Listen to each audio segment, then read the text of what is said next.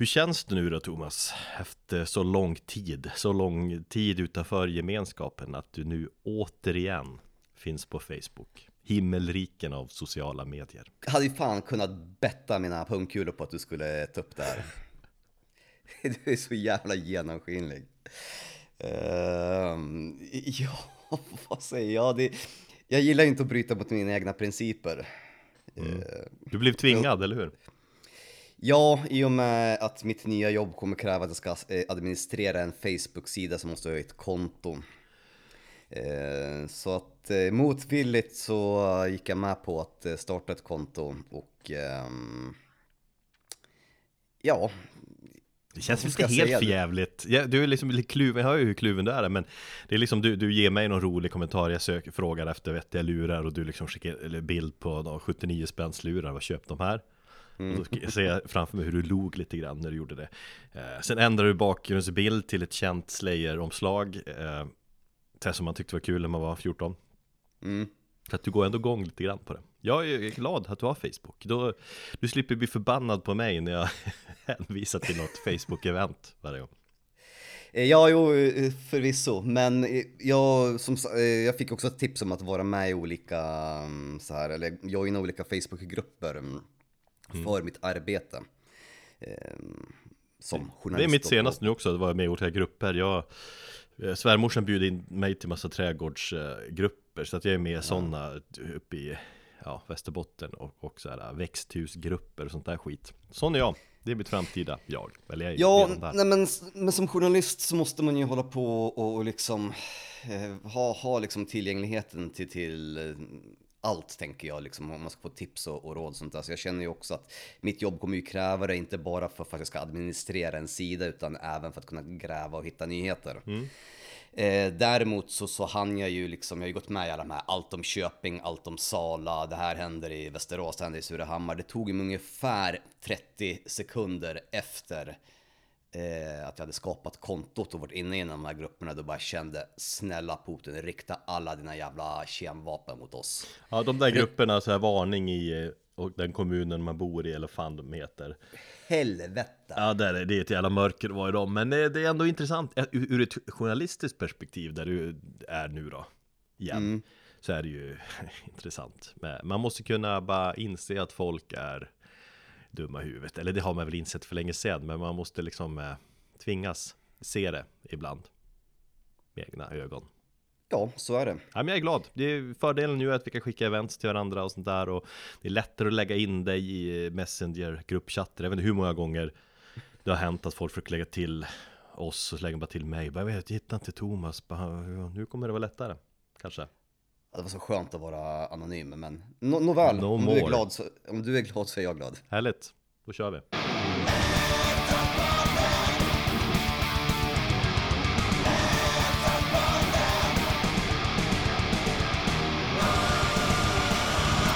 Hej och välkommen till Metalpodden avsnitt 155 Jag heter Erik, min kollega heter Thomas. Hej. Hallå. Och detta är då säsongens sista avsnitt Säsong 13 eh, som vi säger utifrån hur vi har räknat eh, mm. Mm. Och, och, då tänker jag så här, säsongens sista avsnitt känns tråkigt för vissa och det är folk nu som säger och tänker Vad fan, ni kan ju inte, ni kan inte avsluta säsongen redan Det är ju tidigt men då har jag faktiskt eh, kollat upp det där lite, att eh, när vi brukar avsluta för sommaren, att förra året hade vi sångens sista avsnitt 11 juni.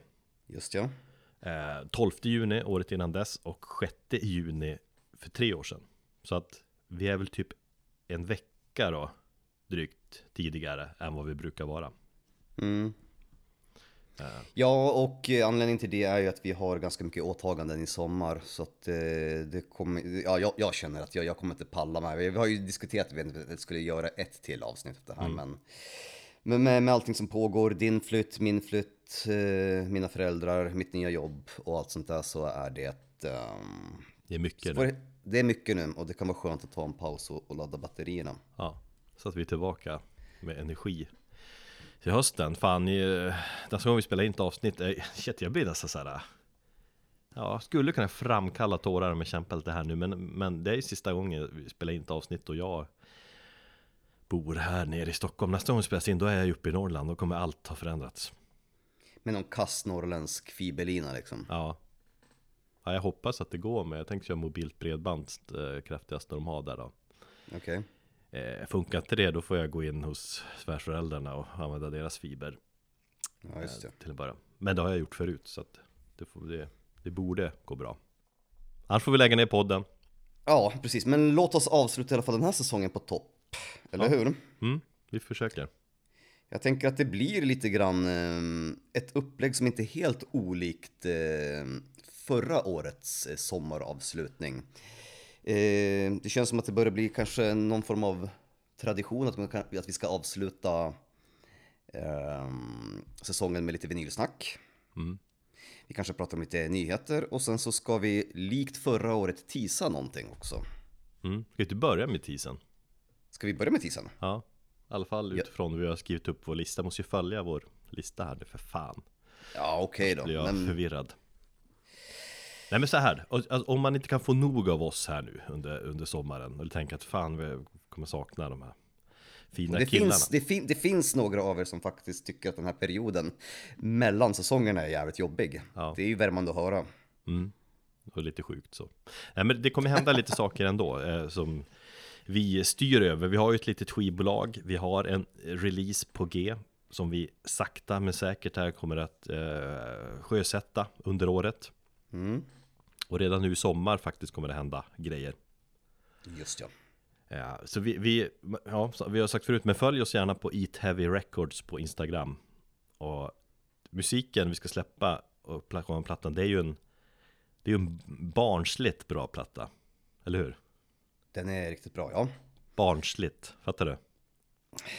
Ja, det, det gör jag. Okej, ja, förlåt, jag var lite seg där på, på, på, på, eh, på bollen. Men ja, den är barnsligt bra. Och den är även, den har ett schysst, eh, vad fan ska man säga, ett, ett bra, jag, jag tror på den. Ja, jag tror också på Ja. den. Jag tror på själva marknadsföring av plattan och själva epitetet som den är stöpt i tror jag väldigt mycket på. Ja, men det är väl lite så vi tänker att om vi ska eh, släppa någonting som vi står bakom så eh, ska vi ju verkligen känna att eh, att vi tror på det och det gör vi verkligen i det här läget. Så att eh, följ oss där så kommer det komma mer framöver.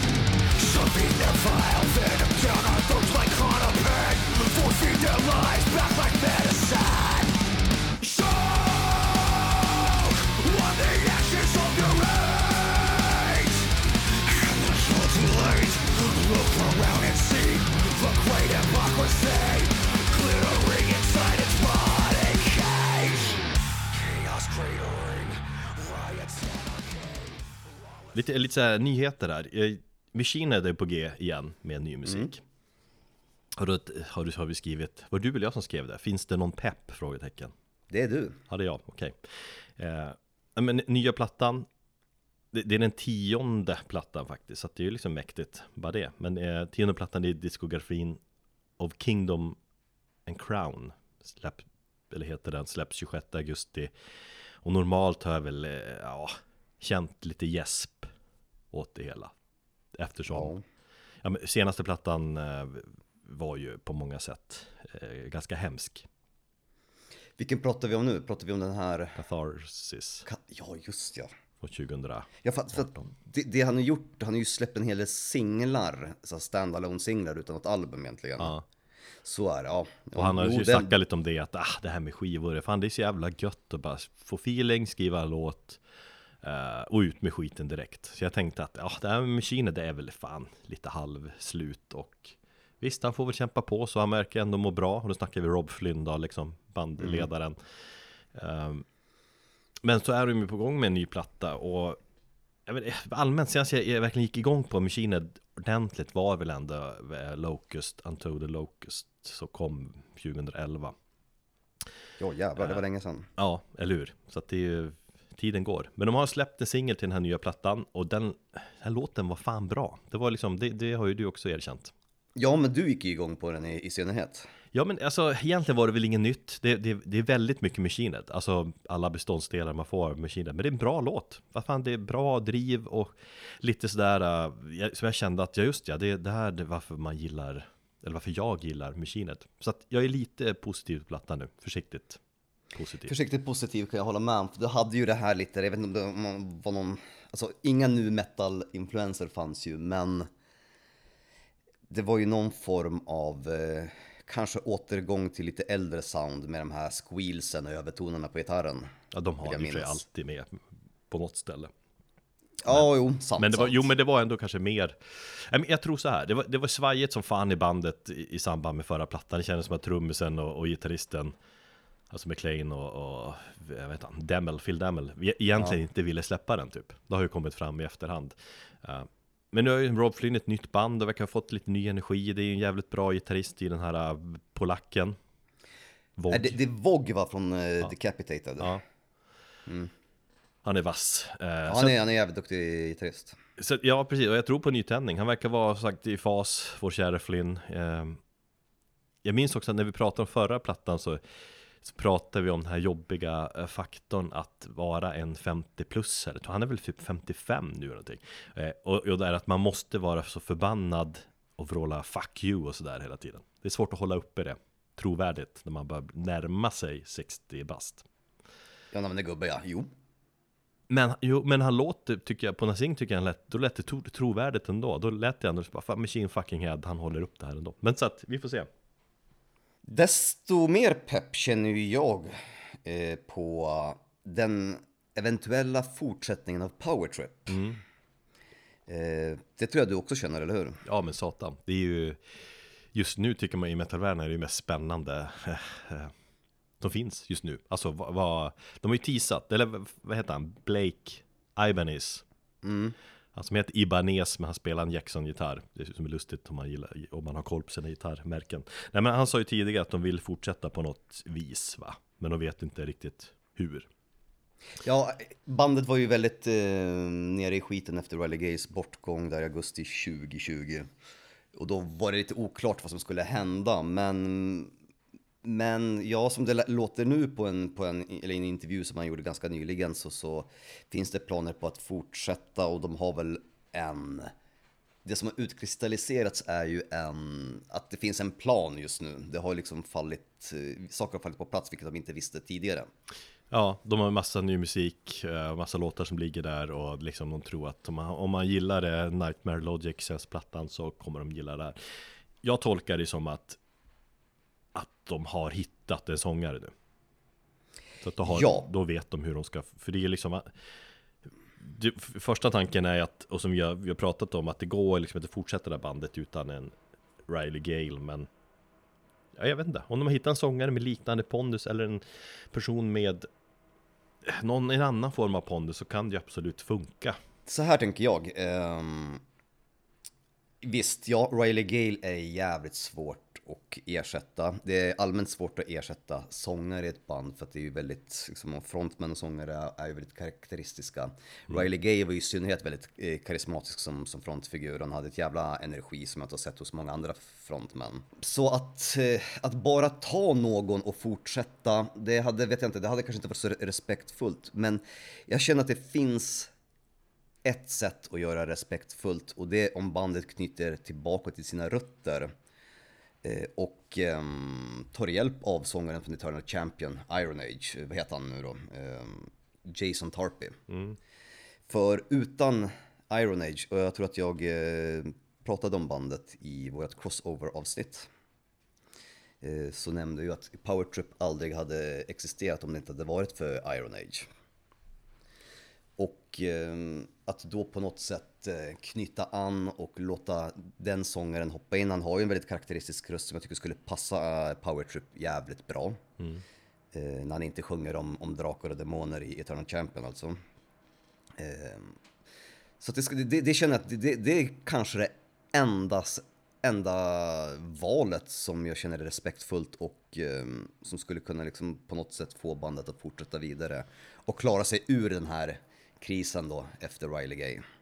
Ja, kanske. Eh, Men det låter ju vettigt eh, om det skulle vara, bli så. Samtidigt, jag menar, fan om, om Powertrip ska fortsätta där de slutade så kan ju han glömma att, liksom, att kunna hålla på med sina andra band särskilt mycket. Fast nej, jag, jag tror att det är lugnt för att alla de där känner varandra. Jag menar, Eternal Champion och Powertrip har ju samma producenter och gitarrister. Du har ju, Ibanez har ju också spelat i Eternal Champion. Du har ju Arthur Risks som producerar Powertrip, så det är ju ett gäng polare som hjälper Jo, jo. Så jag tror inte det skulle, skulle med viss Powertrip kanske ta lite mer i, i, i, i anspråk. Ja, Men det jag också undrar är ju för att det snackades ju om innan, eller innan Riley Gays bortgång, eh, bort, eh, bortgång så nämnde han i intervju att han hade sin sång inspelad och klar för den nya skivan. Så då är ju frågan på att om den här eventuella nya skivan eh, kommer vara med honom och sen så kommer de använda en, eller har de hittat en sångare som kommer använda framöver på skivor och live. Eller om de nu har helt nytt material och lämnat materialet med eh, Riley Gale skrotat. ja nej, men de gör väl vad som känner funkar Men eh, spontant skulle man ju på något vis ändå vilja att de kanske har en ny sång Alltså, alltså skippa Gale helt och hållet och kör på med nytt Eller, Alltså om han, har, om han har färdig, om han har färdig sångsats och det finns ett album med honom så tycker jag att de kunde, ja det skulle jag vilja höra. Ja, ja. Ja, vi får Sen se. Men det känns som att det kommer någonting snart, för det är ju De menar att man håller ut eh, Håll ögonen öppna så händer det grejer väldigt snart här Jag, jag påminner mig själv om hur jävla bra Powertrip är nyligen på, på Roadburn det var, Jag tror det var typ första jag spelade när jag anlände till hotellrummet du vet, Man ska vara där fem dagar för att vara full Och se 35 band på fem dagar och sådär Och slog jag på Powertrip det första jag gjorde På min blåtands, blåtandshögtalare och fick du vet så här, rysningar i hela kroppen och så kände jag ah, satan vad det här bandet var, är bra. Jag var ute och joggade till Nightmare Logic i förrgår och kände ungefär samma sak.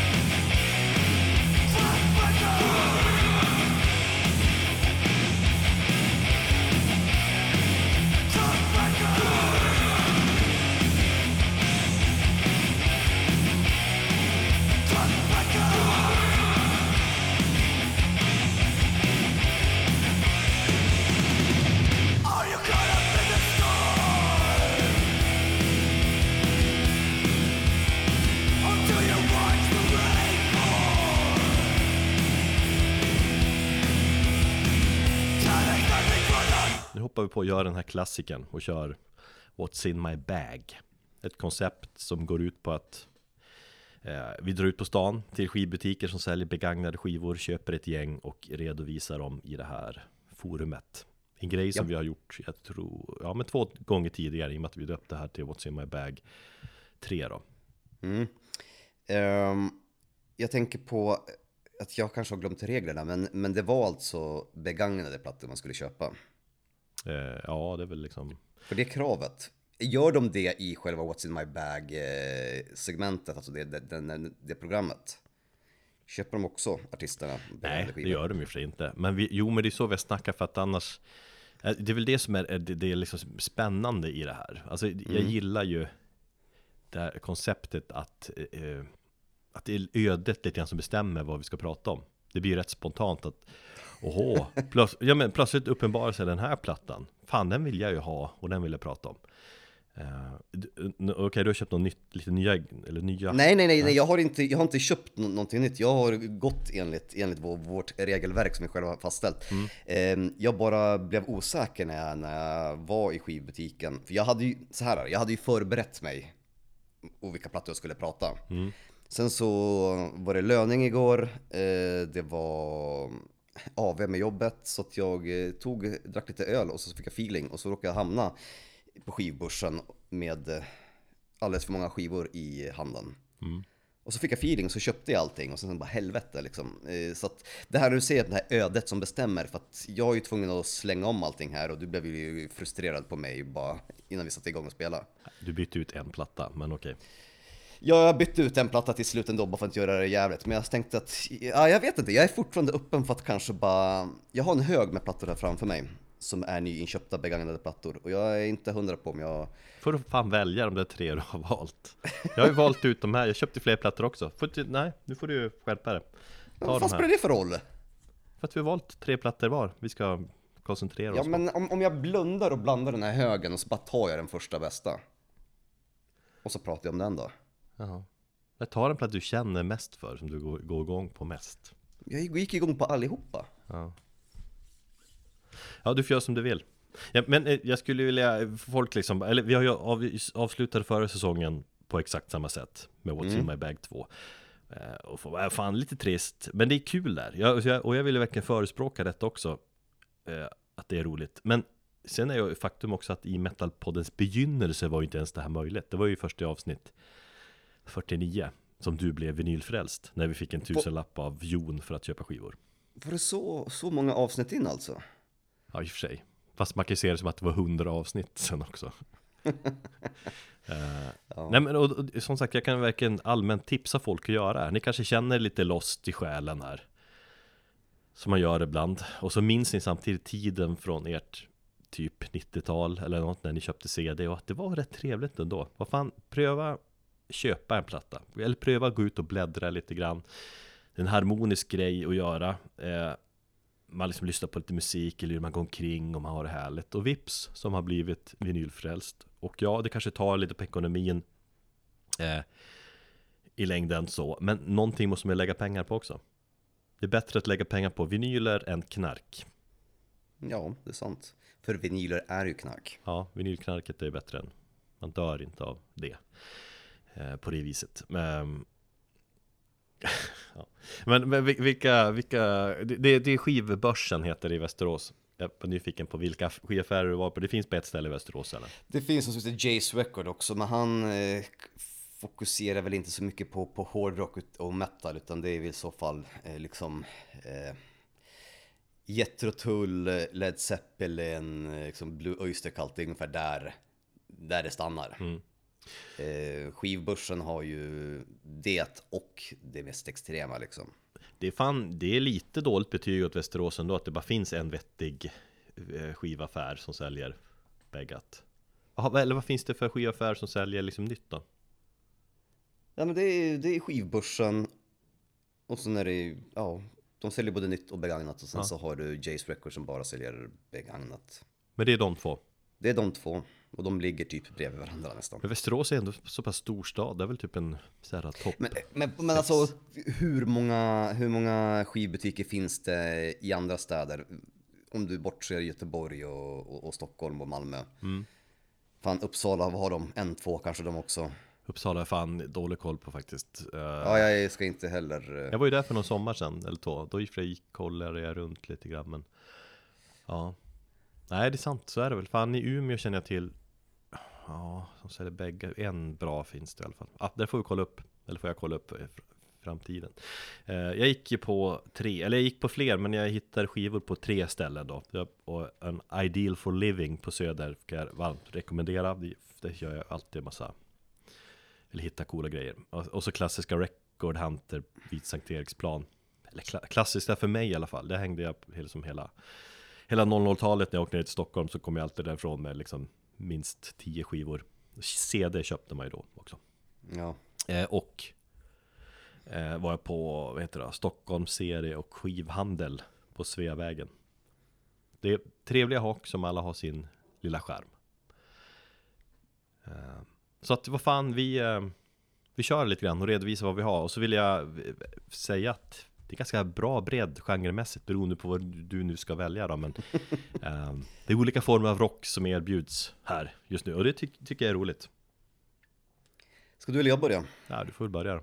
Ska jag börja? Ja, men då går jag väl enligt listan då som jag skrivit upp här. Så vi börjar med eh, The Crown Possessed 13. Eh, som jag eh, hittade, mm, inte igår, utan det här var faktiskt något som jag hittade förra veckan. Eh, av en slump när jag var, gick förbi skivbörsen. Eh, som sagt, det är den enda butiken som jag egentligen hänger i. Det är, alltså jag brukar gå ner dit med, med jämna, lum, eh, jämna mellanrum när jag har liksom vägarna förbi. Det är okej att du förra veckan, så här, du, vi pratade om det tidigare eh, Att jag tycker inte det är okej om du ska ta en plats som du köpte för flera månader sedan så där, Utan det ska vara lite grann här och nu Jo, men samtidigt så är det som så att jag gillar ju inte köpa saker bara för, för sakens skull. Om jag går ner dit och hittar någonting som jag går igång på, som jag gjorde igår när jag helt plötsligt kom därifrån med tre plattor. Eh, ibland så är jag ju där och hittar ingenting alls. Och det kan hända flera gånger på raken att eh, under en månad så är det så pass tomt eller jag känner eh, ingen inspiration så att Nej okej det, det, det är lite så jag tänker, att jag tänker inte bara köpa en platta som, som står oavsett om det är begagnat, och jag- även om den kostar 75 spänn så, så är det liksom, det är själva grejen att eh, jag köper inte någonting, det ska ju finnas någon personlig vinning i det, det är en platta som jag kanske vill. Så The Crown var ju en sån här skiva som jag var nere i förra veckan så såg jag den var där och bara, äh, den här måste jag ha liksom för att eh, jag tycker att det är en svinbra platta. Jag tycker att den är väldigt underskattad i bandets eh, dis- diskografi. Eller jag vet inte om den är så kanske underskattad. Det, är så här, det känns som att det är en hel del människor nu på äldre dagar som börjar, börjar digga den igen. Alltså den verkar ju vara allmänt sedd som en av deras bästa är jävligt, alltså... Ja, ja, kanske. Jag har fått lite ändrade uppfattning, för det här är ändå plattan som släpptes efter Crowned in Terror. Eh, Crowned in Terror har jag alltid sett som eh, The Crowns höjdpunkt. Och det är ju med eh, Tompa Lindberg på sång. Vad jag har förstått nu efter att gjort lite research så, så är tydligen den eh, plattan ganska bespottad. Mer än vad jag, vad jag trodde förut. Just på grund av att det inte är Johan Lindstrand som är eh, på skivan utan just att det är Tompa. Just ja, då står den ut på ett sätt som gör att den inte, det inte är riktigt Men vad fan, Stålhammar sjunger väl på en platta? Ja, men det, vi, kommer dit. Vi kommer dit.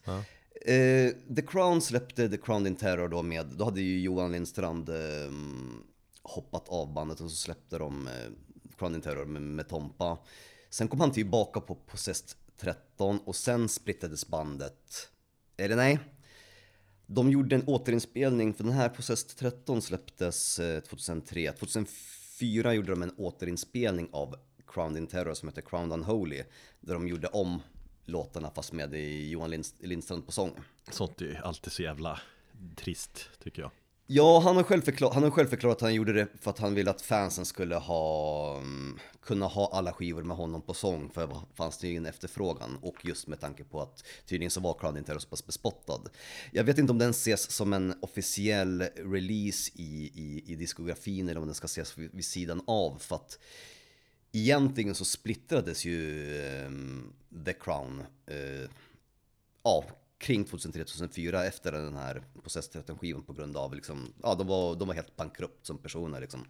De, de var fattiga, de hade inga, eh, inga pengar, ingen möjlighet att betala någonting. Jag vill minnas att jag, jag läste på deras hemsida att nej, nu får det fan räcka.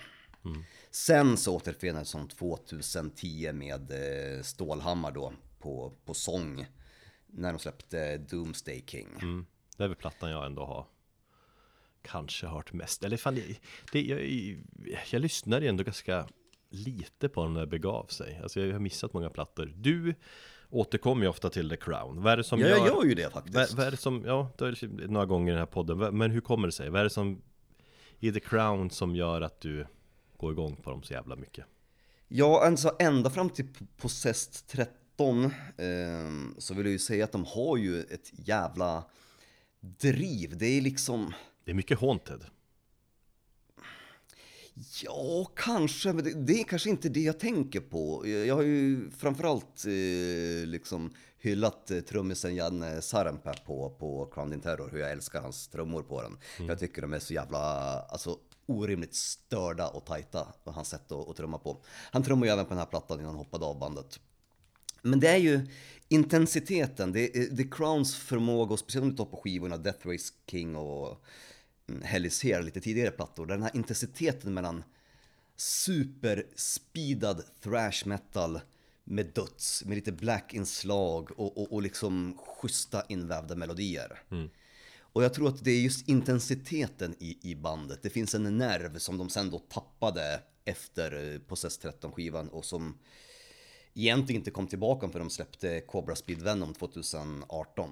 Det minns jag du pratade om i podden. Men hur var uh, fjolårets? Den här uh, Destroyer? Royal, Royal Destroyer. Ja. Ehm, jag tycker att den är stundtals väldigt bra. Eh, jag tycker att Cobra Speed Venom är i regel en platta som är jämnare ehm, i sitt material. Med, medans Royal Destroyer har några riktigt ehm, starka, platt, eh, st- starka spår. Ingenting riktigt dåligt förutom den här balladen. Jag tror, fan nu, We, ja nu minns jag inte vad den heter. Men de har en ballad på, på, på plattan. Som jag, ja det är bara skip-knappen direkt liksom. Men i övrigt så, så tycker jag att liksom, fan de har ändå hållit på sedan tidigt 90-tal och förutom några felsteg där i, i, i kring 10-talet. Jag tycker i och för sig skivan med, med Stålhammar är ju inte, den är ju inte kass, men han gör ju vad han kan i bandet och den har några starka spår. Men i övrigt så känns det som att liksom, den här intensiteten som bandet var så kända för, ja, den, den finns ju inte, den finns ju inte där. Svårt att hålla i den kanske när man blir lite äldre också. Ja.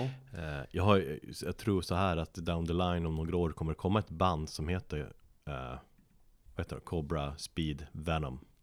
För att det är så jävla bra namn. Och det, det älskar man sådana band som har tagit sitt bandnamn från någon så här platta som de har gillat. Så kids idag kommer någon gång plocka det och bilda ett bandnamn som heter så. För att Ja, men- också hylla The Crown. Ja men vad fan, eh, The, eh, The Crown har väl alltid haft eh, varit jävligt sköna med, med sina låttitlar. Tänk, tänker jag. De har ju ja, på Crowned in Terror, Death is the Hunter, Death Metal Holocaust, eh, Speed Satanist, eh, fan, Motor Death, Scandinavian Satan. Så att det, det är ju, det är skönt. Om ni kids sitter där i replokalen nu och funderar på fan ska vi döpa vårt band till? Gå igenom Crowns eh, diskografi och eh, plocka lämplig låttitel och döp er till det. Precis. Eh, vi lyssnar på eh, lite elefantriff och eh, gitarrsqueals i låten Morning Star Rising.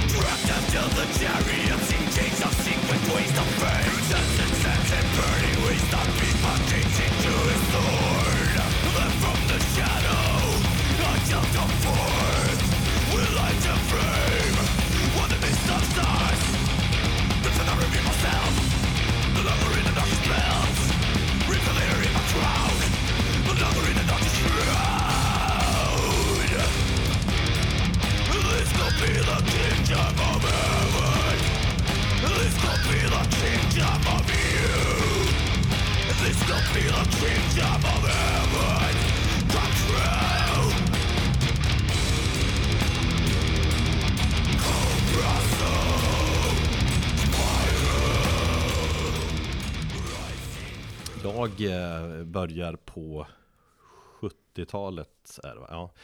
Eh, 70-talet och bandet Rainbow. Jag har köpt Rainbows andra platta Rising på vinyl. Jag har den ju på CD, men det, är- det är ett band som ja, men jag känner eh, att man bör ha den på vinyl också. Varför då? För att det är, det osar vinyl om jag 70-talet och eh, vinyl liksom, vad fan. Klassisk hårdrock. Right, jag trodde det var någonting, nå- någonting särskilt där. Ja, Nej. men fan. Men med den inställningen så, så, så ska man ju ha alla skivor. Ja, nej men lite så här att man bör ha alla eh, Alla Sabbath och alla kanske Deep Purple och sådär Ja, ja Sabbat-skivorna, eh, de samlar jag på. Fast i väldigt, väldigt eh, långsamt tempo. Ja, jo men sakta men säkert så har du snart, snart alla Alla Ozzy-plattor va? Eller vad är det du siktar på? Alla Sabbath överhuvudtaget Ja, Jag vet inte. Everyone Jag, jag, jag börjar, jag, everyone, jag börjar med de fyra första. Fyra, för sex första Sex första?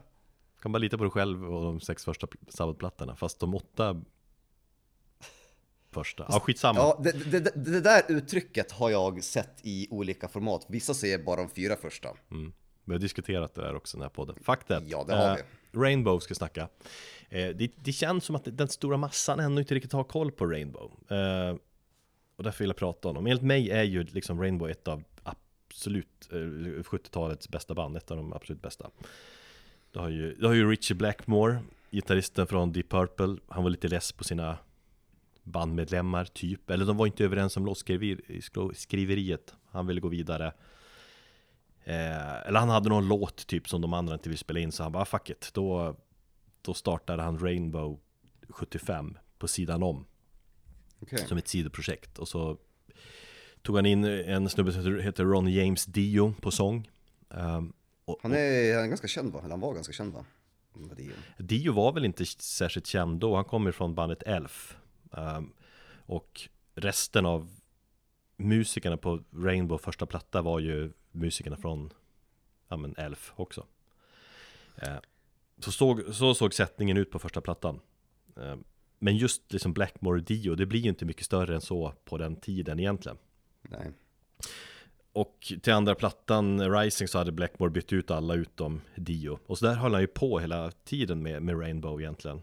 Alltså Richie Blackmore, han bytte ut medlemmar inför varje platta. Jag kollade liksom av för kul på Vicken och genom åren så har de ju, jag tror det varit så här 30-tal medlemmar i Rainbow. Mm. Så att det är liksom hans, eh, hans band. Men, men det är de tre första Rainbow-plattorna som jag verkligen gillar så mycket. För det är de tre som Dio sjunger på. Sjukt bra plattor. Eh, Man behöver inte liksom eh, Man behöver inte kolla upp så mycket mer Rainbow tycker jag. För sen utvecklade Blackmore-stilen lite mer i Lite mer, eller väldigt mycket mer kommersiell riktning. Jag tror de flesta känner väl kanske till Rainbows mer kommersiella hits. Alltså typ eh, Since you've been gone, since you've been gone. Den låtjäveln och I surrender, du vet. Ja. Men då är det inte Dio, utan då är det andra sångare och, eh, och det är lite mer så här 80-tals Vad hände med eh, Richie Blackmores andra på, det, Blackmores Night eller? Vad, ja. Det gick här vidare. Alltså han var ju, han, han hoppade av Deep Purple, han kom ju tillbaka till Deep Purple i sig, eh, när han, när han splittrade, eller när han la ner Rainbow också. Mm. Och sen, ja, sen Blackmore har gjort mycket konstigt efter det. Men det är många som vill att han ska skriva liksom det, saker han gjorde på 70-talet igen Men han, han kör sitt eget race på något vis Vilket är lite coolt också Hur gammal är han? Han lär ju vara Ja, det är väl, slutet. Ja vad fan kan han vara då? Ja men han är väl någonstans där uppe i runt 70-årsåldern som alla andra av de där. Mm. I guess. Nej men jag, jag tycker väl att om man ska just Rainbow Rising-platta så är det en av de här äh, bästa från de här tidiga heavy metal-plattorna. Just Storslagheten, riffen, det är ganska symfoniskt liksom på något vis, jävligt bra riffande. Det det är väl Richie Blackmores musikstil är väl liksom Det är väl eh, neoclassical som man, man gillar att definiera det som, alltså en blandning mellan heavy metal och eh, influenser av, från, från klassisk musik. Mm. Alltså Dio då som men han, börjar, han kör ju sina fantasy-texter om trollkarlar och vad han nu sjunker om. Men det är ju ett tema som han körde liksom karriären ut typ. Och han har ju fan, han, det, är ju, det var ju en av hårdrocksvärldens absolut bästa jävla sångröster genom tiderna. Det har man svårt att säga någonting om. Eh, sen blev jag jävligt glad också, Metallica släppte ju ett medley på Där de skrev, eh, låten som de bidrog med till Dios så här hyllningsplatta När han gick bort Då skrev Metallica ett medley från Dios eh, Rainbow-tid eh, Jag minns det var typ direkt efter de släppte, eller eh, det första släppet de gjorde släppte efter Lulu. Så man, man hade ju funderingar på att de hade tappat det totalt med Lulu, vilket de hade just där och då Men sen släppte de det här medlet och så kunde man andas ut som är svinbra. På det medlet finns det ju en del av låten Stargazer med och är, Som är det näst sista spåret på, på Rainbows Rising. Men även någon, en annan låt också från den plattan de heter. Missminner mig. Var det 2012 han gick bort va? Ja, Det är tio år sedan. det låter rimligt Mm. Jag har för mig det. Mm. Men eh, ja, det kan, det kan man ju kolla upp. Men framförallt ska man kolla upp originalet. för Originalet är ju alltid bäst, som man säger. Så att vi, eh, vi lyssnar på låten Stargazer från Rainbow-plattan Rising.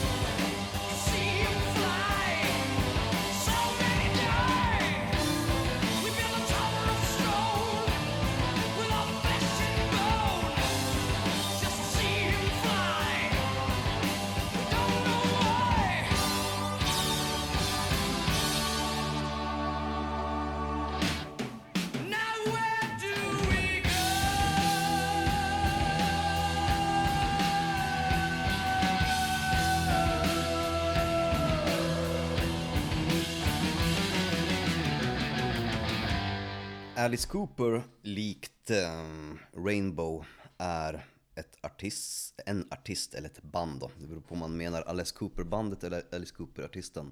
Som jag har, som är liksom en stor lucka i min, ehm, i min musikkunskap eller min musiknörderi. Kände det här när du började prata om Rainbow, att fan ja, det är någonting som man också kanske behöver dyka ner i, i lite. ehm, men jag tänkte att jag eh, håller på att i alla fall åtgärda eller fylla igen den luckan, eh, Alice Cooper-luckan då. Och det har jag gjort mycket tack vare eh, våran konkurrerande podd tänkte jag säga. Nej, men, men, konkurrenten eh, Björn Larsson och hans BL Metal Podcast. Den har ju ett segment som heter I Coopers klass där de går igenom eh, alla eh, Alice Coopers, eh, både som solartist och alla hans, eh, som, som band då, alla plattor.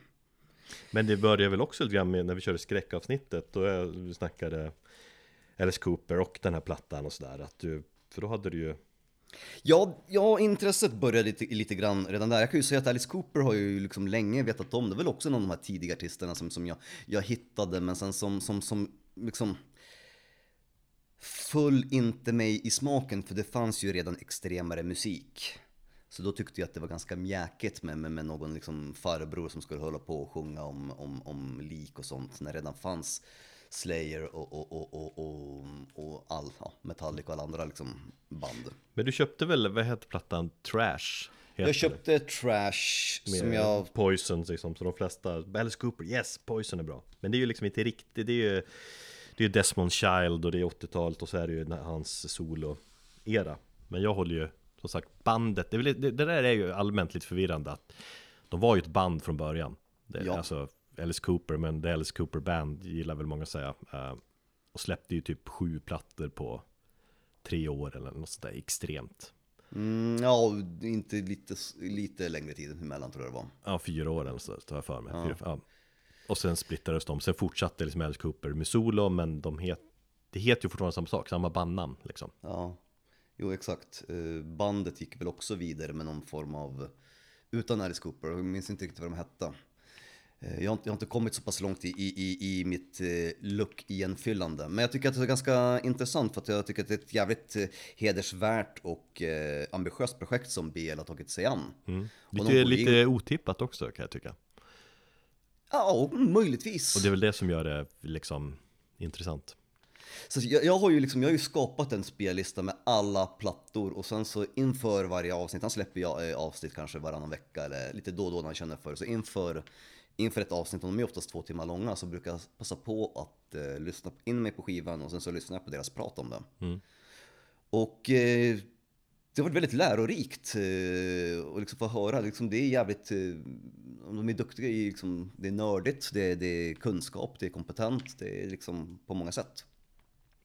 Så det fick ju mig också så här, bara, nej men fan, då, då, då, då köper jag. Och sen fick så, alltså det ekar lite i bakhuvudet, du kallade mig posör när jag köpte Trash-skivan. Eh, och det, det, jag vet inte, det, det sitter fortfarande i. Dina ord, de gör ont, Erik. Jo men, det, jo, men det var ju lite så här, du bara okej, men fan den här är väl bäst eller? Och köpte det. Ja, men det var så. Det, det var, jag köpte den faktiskt för att det var min, det var min sambo som, som ville men kan inte du köpa en Alice Cooper-platta? Och säga, ja men då går jag och köper eh, Trash-skivan, jag kände ju till de låtarna. Det är väl, det är väl den, den typen, eller den Alice Cooper-eran som är kanske den mest kommersiellt och som folk känner igen. Folk har väl kanske inte lika mycket koll på, på Coopers 60 och 70-tal som de har på hans 80-tal. Ja, nej, eller ja, fan det vet jag inte. Alltså, jag- Alltså jag tänker på den breda massan, alltså mainstream, mainstream-folket. Sen så är du ett fan av Cooper så har du ju självklart koll på, på det mesta. Absolut, men han, gjorde, han har ju släppt så jävla mycket plats som sol också. Alltså det är väl bara låtar folk känner till. Alltså, det, det, ja, Poison det, och, eh, The Man Behind the Mask typ. Men folk kan Ja. ju liksom inte säga att den, platt, den skivan ligger på den plattan. Det är liksom så här, vad fan, när man träffar någon ny kollega eller något sånt där. Bara fan, och jag gillar hårdrock, fan Metallica, yeah! Enter Sandman är bra. Eller Nothing Else Matters är min favorit. Då känner man också bara, ja Men uh, okej Hur som helst, jag köpte Billion Dollar Babies. Eh, med bandet Alice Cooper då, eh, som släpptes i februari 1973. Så vi stannar kvar där i 70-talet. Eh, en platta där själva konvolutet är format som en plånbok. Eh, öppnar man den också så, så tror jag att det var i eh, första gången som eh, bandet, eller i alla fall Alice Cooper faktiskt inte är sminkad. Eh, utan bandet är, eh, bandet är osminkade, de har på sig någon form av vita eh, kostymer med, med, och håller i kaniner medan Alice Cooper håller i ett barn som har den klassiska Alice Cooper-sminkningen då. Mm. Och så, så medföljde det väl en, en sedel också i originalupplagan då när man köpte den här skivan. Så var det väl någon så här billion dollar eh, sedel med Alice Coopers ansikte på. Eh, den medföljde dock inte i den här begagnade utgåvan som jag köpte. Den hade väl trillat bort plus att det saknas lite andra grejer i skivan. Men jag köpte den hittade den för, för, för i ganska bra skick ändå för, eh, mm, för en hundring liksom. Så att...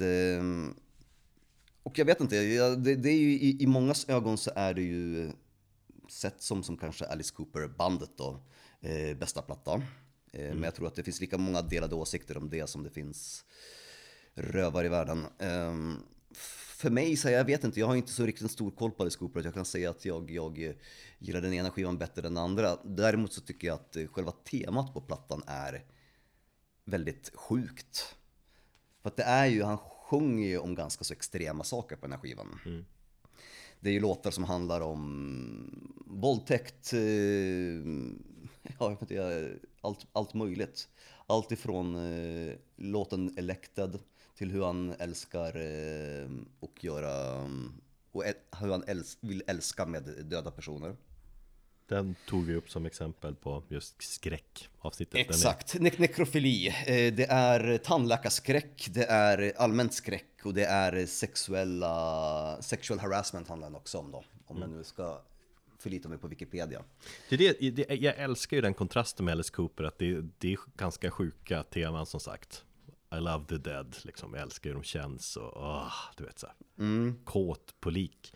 Men samtidigt är det så jävla bra låtar. Det, är väl, jag tror väl att anledningen att många håller Billion Dollar Babies är sökt är att det, det, är- det är väl mest kanske hits på den här plattan ändå.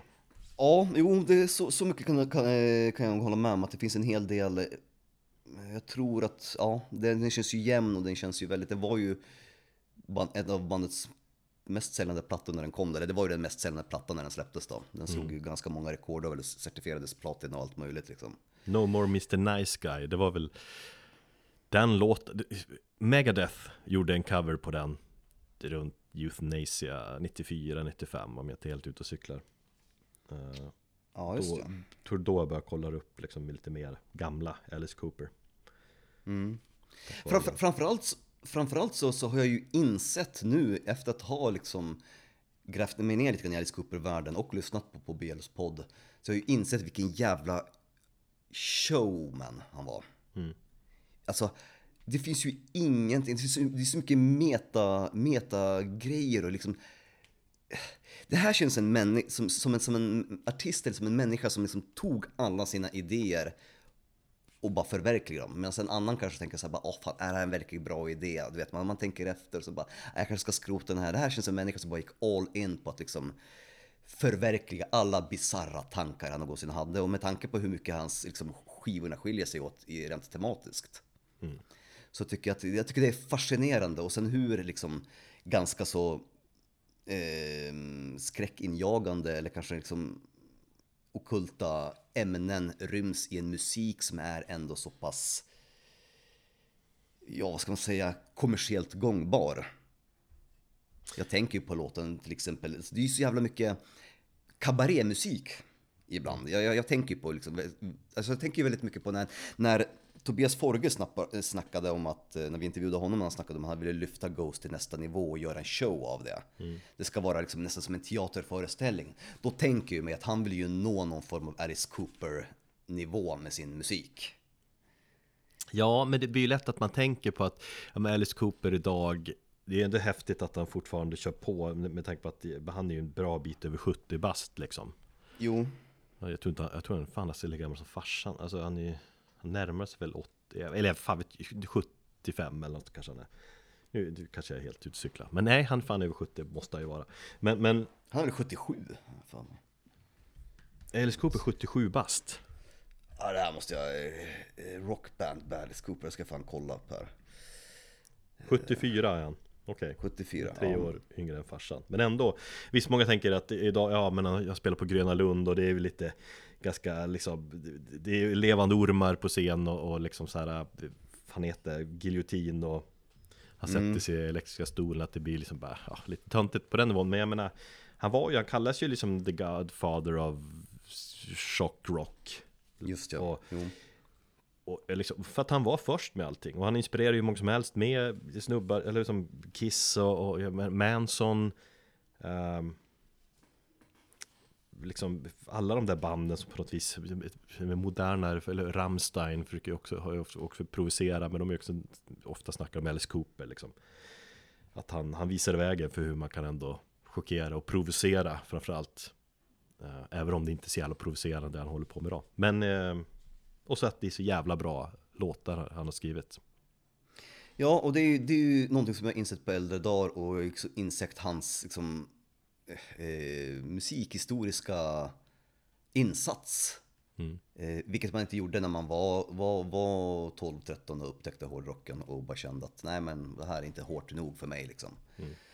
Så att jag, jag fortsätter att eh, som befinna mig i, i Alice Cooper-världen. Jag kommer nog göra det ett tag framöver, så länge i alla fall eh, den podden eh, fortsätter att prata om Alice Cooper. Jag tror att det ändå är vad är det, 29 album den ska gå, gå igenom.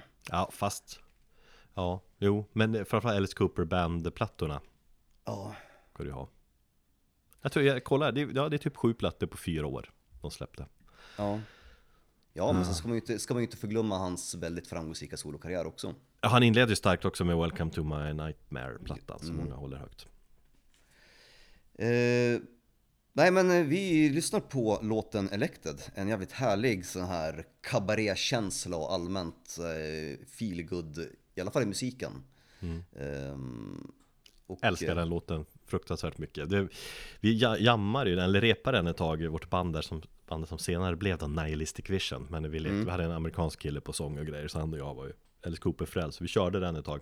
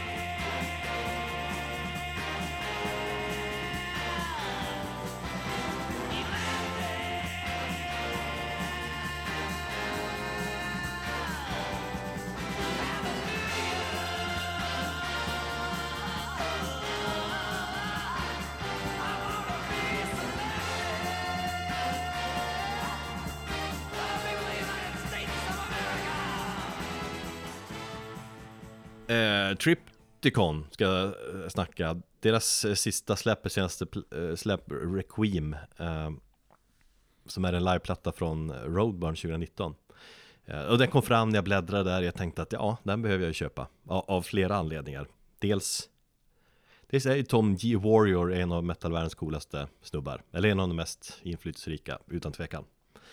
Definitivt. Eh, Jag vet fan, Hellhammer, Celtic Frost, Triptychon Du har du hade tänkt att snack, snacka lite Hellhammer väl?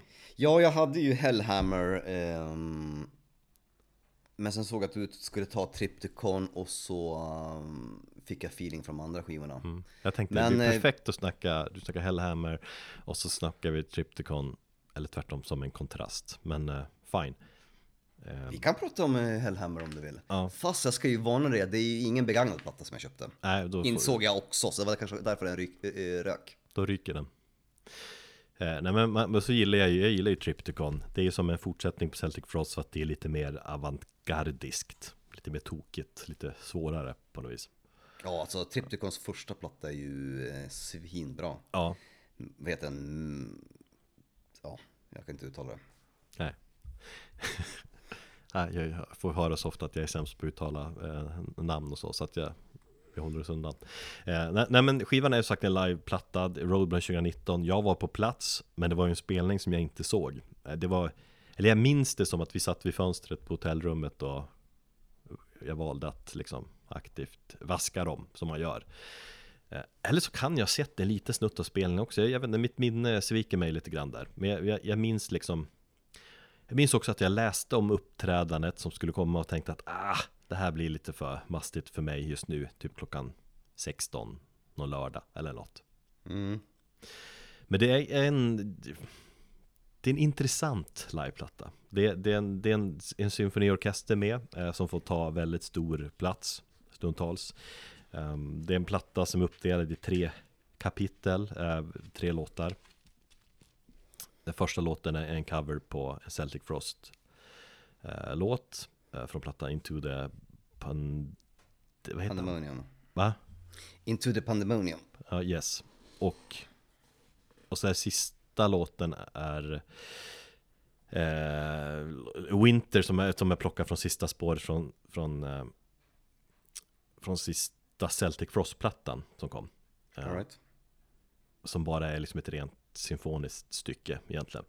Eh, men det är mittenlåten som är det intressanta med plattan som är liksom huvudparten av, av plattan. Det, det, låten heter Grave Eternal. Det är en, ett 32 minuter långt stycke som är uppdelat i sex delar. Och det är liksom helt nykomponerat stycke där eh, Warrior tar ut svängarna ordentligt i avantgarde-träsket.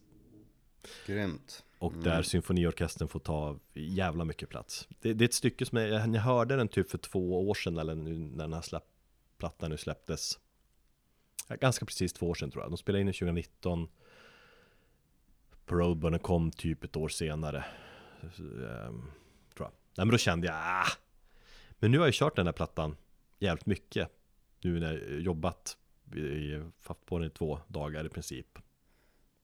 Eh, och jag är, väl kanske lite mer mognare till det, men den växer Den vecklar ut sig på något jävla underligt sätt. Den, den bjuder på något annorlunda, men intressant. Den är mer liksom Den är mer atmosfärisk och intim än liksom hård och metal. Ehm, känner du inte att du saknar, eller att du på något sätt missade, ångrar att du missade spelningen nu? Du är Ja. lite på söret att, att köpa en liveplatta från ett, eh, en spelning som du kunde ha sett men du inte gick på. Äh, fan, jag älskar den tanken ändå att jag... Jo visst, jag, jag, det kan jag väl ångra Men men som vi var inne på Roadburn handlade Det handlar om att missa en jävla massa band Ja, jo, sant. visst. Det kan vara att det var någon annan spelning också Men, Men är det bara den här låten Grave Eternal som är eh, egen, som var egenkomponerad för Roadburn och för den här plattan? Ja, men det är ju det här som är liksom själva plattan. Det andra är ju covers egentligen. Ja, mm, så. andra material. Eh, Så det är det här som gör det, vad som är liksom intressant med den. Det är, det är absolut lite åt Funeral Doom hållet också. Däremot ska man ju ändå sätta så här varningens flagga här liksom att det Det kanske inte är för alla. Men, men, om, men om man är redo liksom att ta till sig När Thomas Gabriel Fischer går längre ner i sin experimentella sida Alltså mer än någonsin så ska man ju lyssna på det här är man liksom ett old school fan av tidiga Celtic Frost, Hellhammer och grejer så är det ju här någonting helt annat.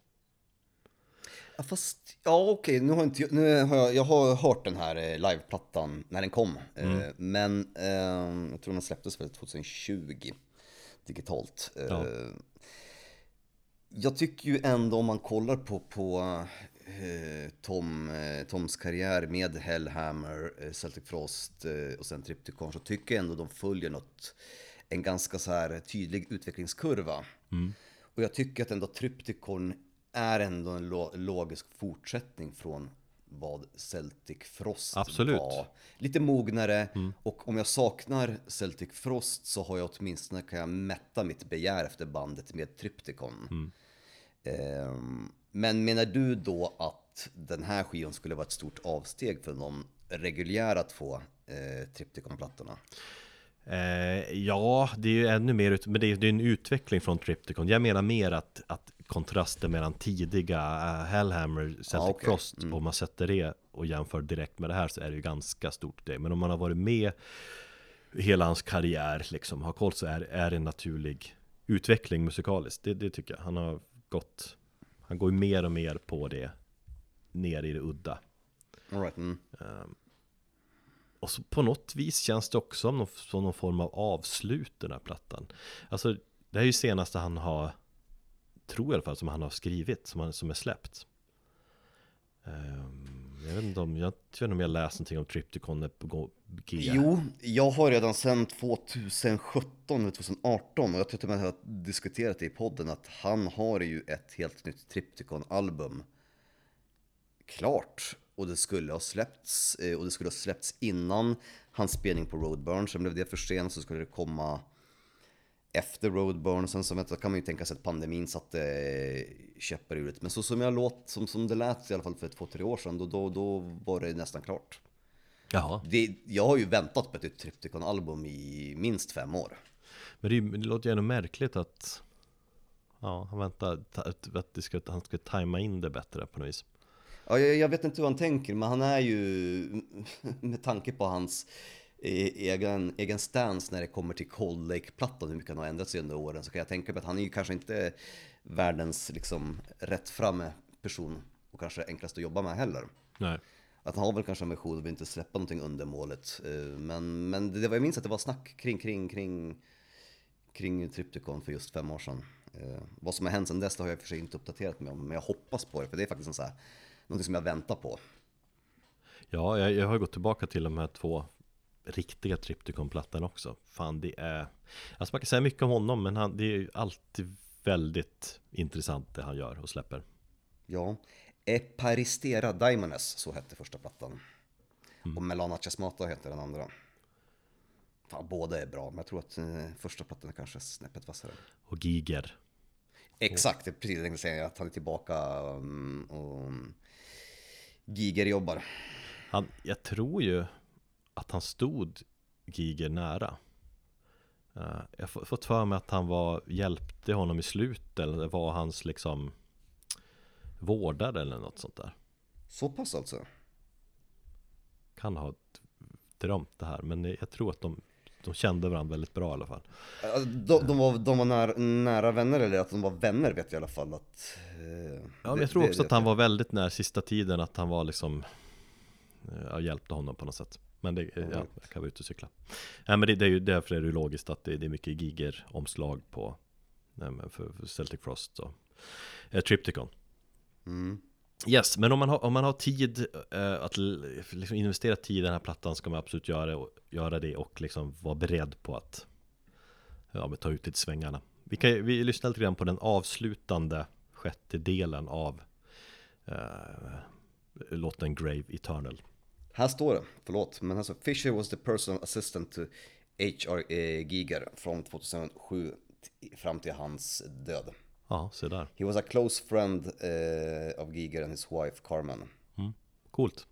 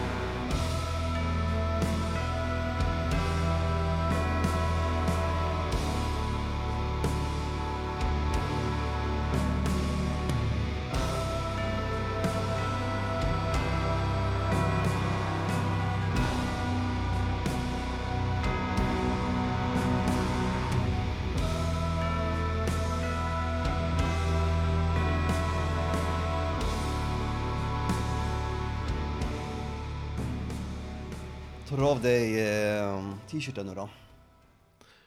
Och visa bröstmusklerna, ja. In the year 1982, the gods sought to test our steel, struck down by deceiver, deceivers. Whilst our backs were turned, we were left for dead. But in the wake of confusion, the fallen and the faithful did band together to heal even stronger than before. This was seen by the gods. For the prophecy of the sacred king shall be fulfilled. We have risen up anew to drink the wine of vindication.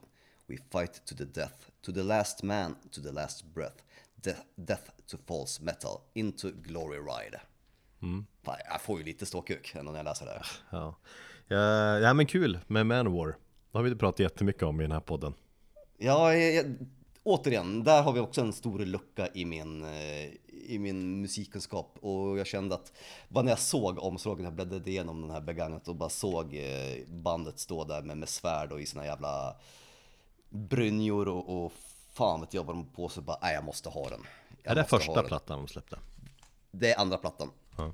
Kul, jag har aldrig hört den här plattan. Jag, jag kan ju säga, jag är ju sjukt posörig med Manowar, eller posör, fan. Det är väl, alltså min, mina kunskaper om Manowar sträcker sig till plattorna Kings of Metal och, vad heter den? Fighting the World heter den va? Ja, Och de hitsen. Eh, Sen har jag sett dem live och det var en upplevelse, men jag är väl inget superfan av Manowar. Däremot tycker jag är fascinerande att Manowar är typiskt sånt där nå- Någonting av guilt, ett guilty pleasure-band för väldigt många Alltså jag känner ju många typ insnöade liksom metalgubbar som gillar sin black metal, sin döds och så. Och så spelas Manwar på en fest och då bara går de igång som satan och kan sjunga med i allt. Och jag tänkte, vad fan är det här? Deras jävla sunk power metal typ. Men visst, då kan jag hålla med om att ja, Kings of Metal, plattan och de hitten är ju skärmiga. Men berätta någonting. Ja, som sagt, jag, har ju- jag har ju inte heller så, så, så jättemycket, nu fram, framstår vi väl båda som posörer här, men, men just med Manowar, om jag går tillbaka lite grann till, till, till mitt eget personliga liksom, ehm, koppling till bandet. Jag har ju alltid sett dem så, så otroligt lökiga, och visst, de är ju lökiga. Men liksom, de, de balanserar ju på den här gränsen mellan, de är ju superallvarliga till den gränsen att ibland så undrar man, är det här ploj eller är det på riktigt? Man vet ju aldrig. När man tror att det är ploj, då, då, då helt plötsligt så tycker man att, då blir det ju väldigt allvarligt.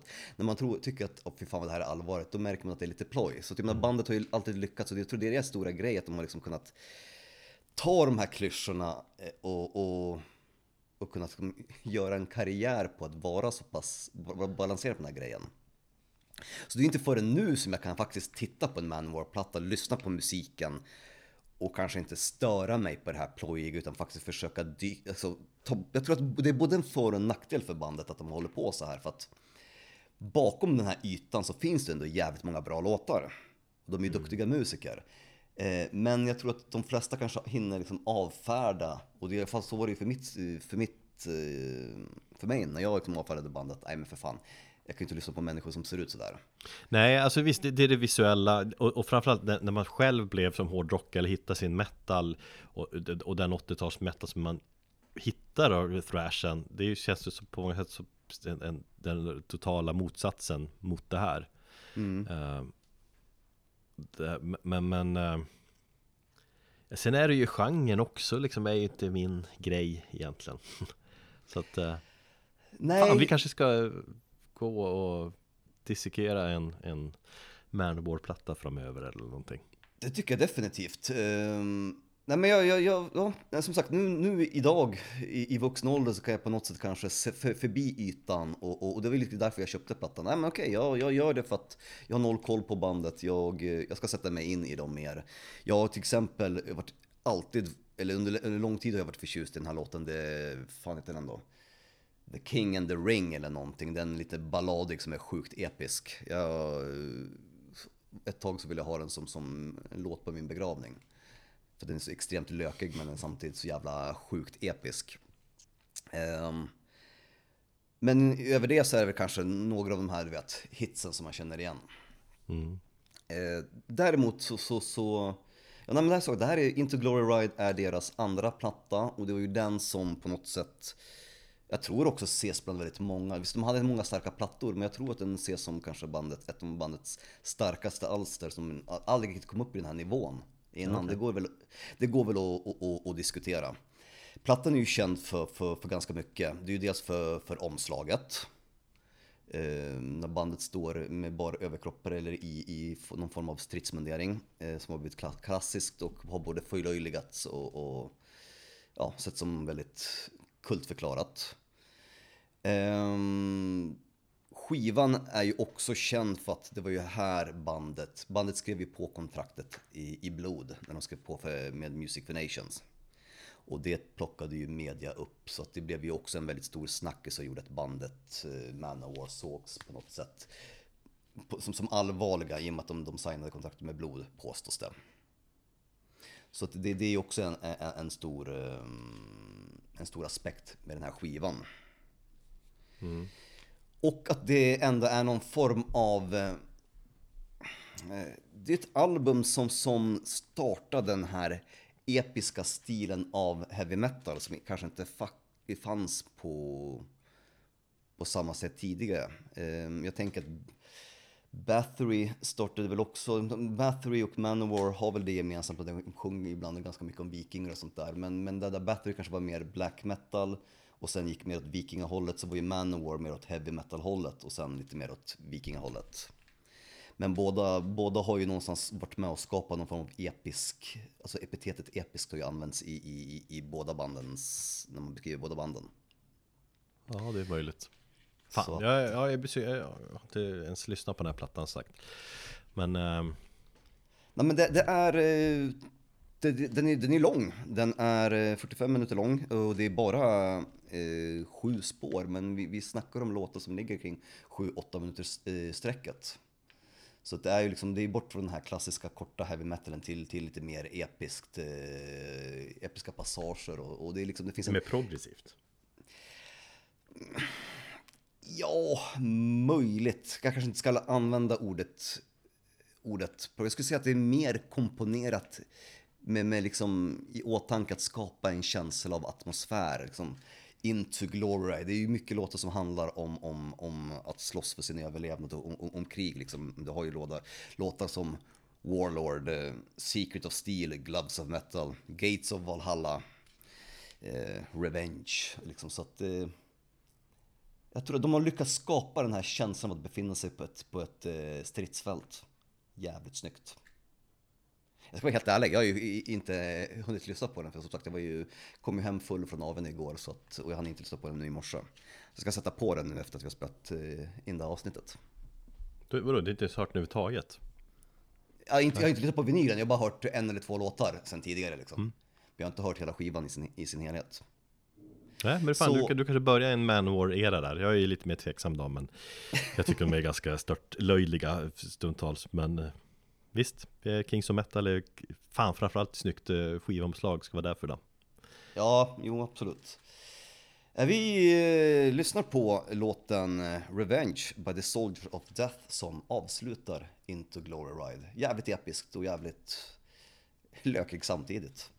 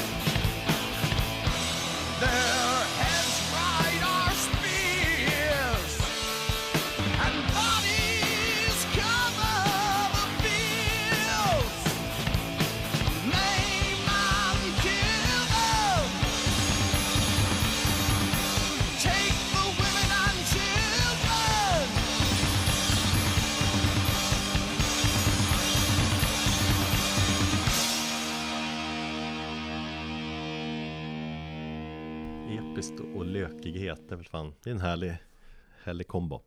Eh, till sist för mig så blir det ju lite härlig eh, klassisk döds slash grindcore i form av Napalm Death. Och eh, jag hittade ju då Napalm Death tredje platta Harmony Corruption från 1990. Det var en till, skön tillfällighet att jag lyssnade på plattan igår. Ja, jag trodde du gjorde det för att du hade sett att jag hade skrivit upp den. Nej, utan jag helt plötsligt så fick jag en... Jag satt och jobbade och skulle... Bara helt plötsligt så fick jag bara, fan jag måste... Sjukt sug på att lyssna på Napalm Death. Ja. Så jag satte bara på den av, av en slump och då, då hade jag inte riktigt koll på att du skulle prata om den. Nej, coolt. Fan vad sjukt. Helt sjukt. Nej men den bara uppenbarar sådär, det är det som är så härligt och så känner man direkt att liksom bara plocka upp den direkt. Mycket på grund av omslaget. Jag, alltså, jag har ju hört plattan mycket förut men, men jag har aldrig riktigt reflekterat över skivomslaget. Men sen när man lyfter upp den och tittar på skivomslaget i, i vinylstorlek som man ska uppleva det liksom så är det, ah, fan vad coolt det här är. Liksom, själva artisteriet kommer ju fram mer då. Eh, hos den som har ritat omslaget. Jag har nog heller aldrig riktigt reflekterat över omslaget nu när du säger det. Nej men när man håller upp det så det är jag tycker det så jävla snyggt Så jädra metal Men det är ju, det är ju en intressant platta Det är ju den här Det är lite en vägledare, eller väg fan säger man? Nej, jag Väg, vet inte. förgrenare Nej men det, det, folk ser ju lite olika Vattendelaren. Va- vattendelare säger man. Eh, det, det, det är en platta som De blev mer döds än grind De eh, när, man, alltså när man pratar tidiga Napalm Death så ska det alltid snackas liksom Första plattan Skam och, och den här eh, andra plattan från Enslavement to Obliterate Vad heter den? Obliteration heter den From enslavement to obliteration ja. Mm. Eftersom det är så här pionjär grindcore och det är Lee Dorian var med på sång och de har låtar som är någon sekund lång och, och så vidare. Eh, men det, den storyn kan man ju. Men, men sen kommer den här plattan eh, som sagt är betydligt mer döds, den är inspelad i Florida så att de gick från det här grindcore till Florida-dödsen. Liksom. Eh, och visst, alltså det är kul, jag, jag kollar någon också Metal Archives eh, recension och liksom ja, fick noll, någon har gett en noll i betyg för att de svek som fan de kommer från sålde ut sig totalt. Ska, lira, ska de lira döds. Fy fan. Eh, men det är också Sam- ett helt nytt band. Ja, alltså jag tänkte samtidigt så den här dödsiga versionen av Napalm Death som kom på den här plattan, den, den kommer ju följa med bandet ett tag under 90-talet. Ja jävlar. Så. Men visst, jag kan hålla med att de släpper det, det, de var, det var, de var från början och så, men Ja, två plattor med det så känns det som att de liksom De, de ville gå vidare Mm. Fine Men Lee Dorian hoppade av där, han bildade Cathedral, in kom Mark Barney Eh, Greenway på sång, han har ju varit med sedan dess. Uh, Mitch Harris, uh, amerikan, kom in som ny gitarrist, han är också kvar i Nathan Death idag. Uh, Det är en annan gitarrist som kom in Som var med länge, han hoppar av någon gång på 00-talet Så att liksom Den här sättningen Är ju liksom, det är en klassisk sättning i bandet och en sättning som i stort sett är samma idag. Eh, Och det är en svinbra platta. Mm den är, den är ju rakt igenom hög klass Eh, Jag tycker Barney I kontrast till Idori, han, han med sin mörkare röst också Lyfter det hela på något sätt Ja, Barneys röst, han är ju lite grann som en jävla arg... Fan, inte en pitbull låter han.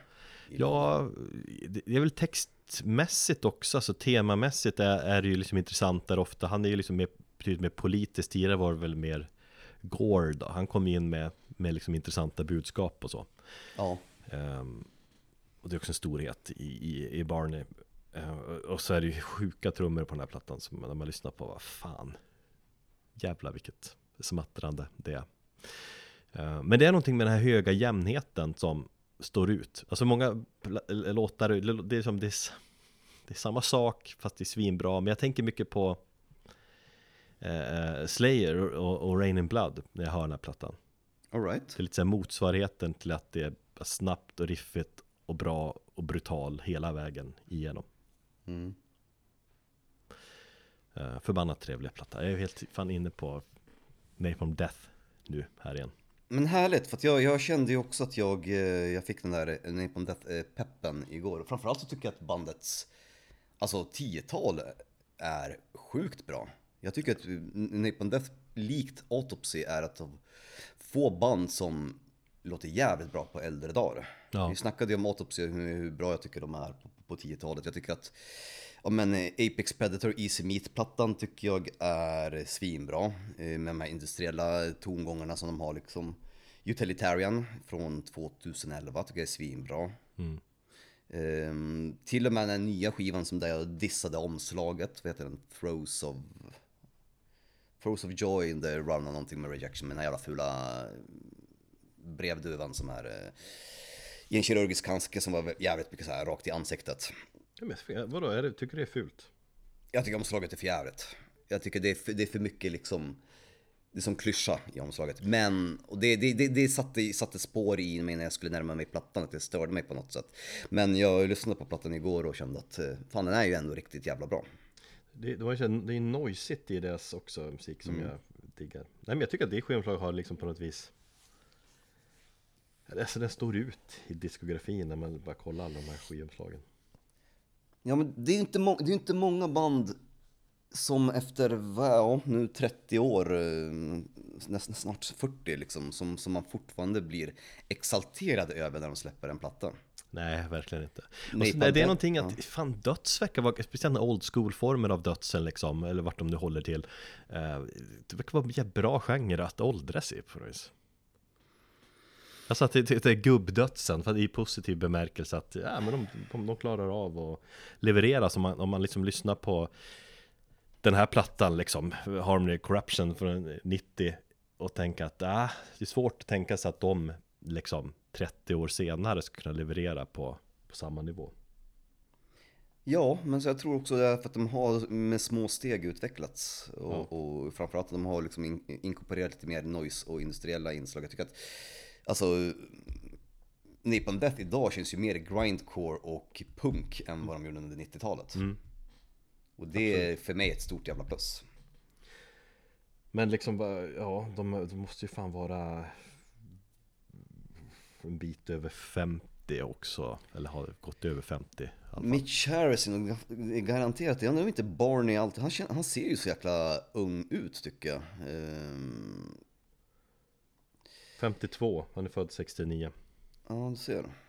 Fan, vi snackar ålder idag. Fan låt gubbar och kvinnor åldras.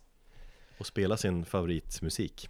Plus att han har ju sån jävla här- härlig scenperson också. Ja. När han står där och, och liksom en engelsman som egentligen gillar att titta på, på fulla Arsenal när de spelar och dricka öl på den lokala baren liksom. Han verkar ju vara sjukt härlig snubbe.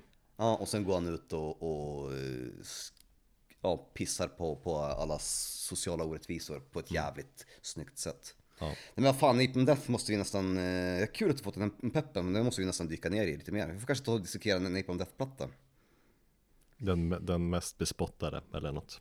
Ja, Nej men håll med om det, alltså tidiga Napalm Death och grejer som folk gillar. Och, och vi kör ju ofta You Suffer som är en, en eh, delare mellan, mellan olika segment här i, i podd. Men du lägger väl in den då och då. Mm. Ah, det är gammalt. Vi, Det är intressantare att kolla på lite nyare Napalm Death. Yes. Eh, och jag tänker att vi ska väl lyssna på största hitten från den här plattan då. Suffer the Children.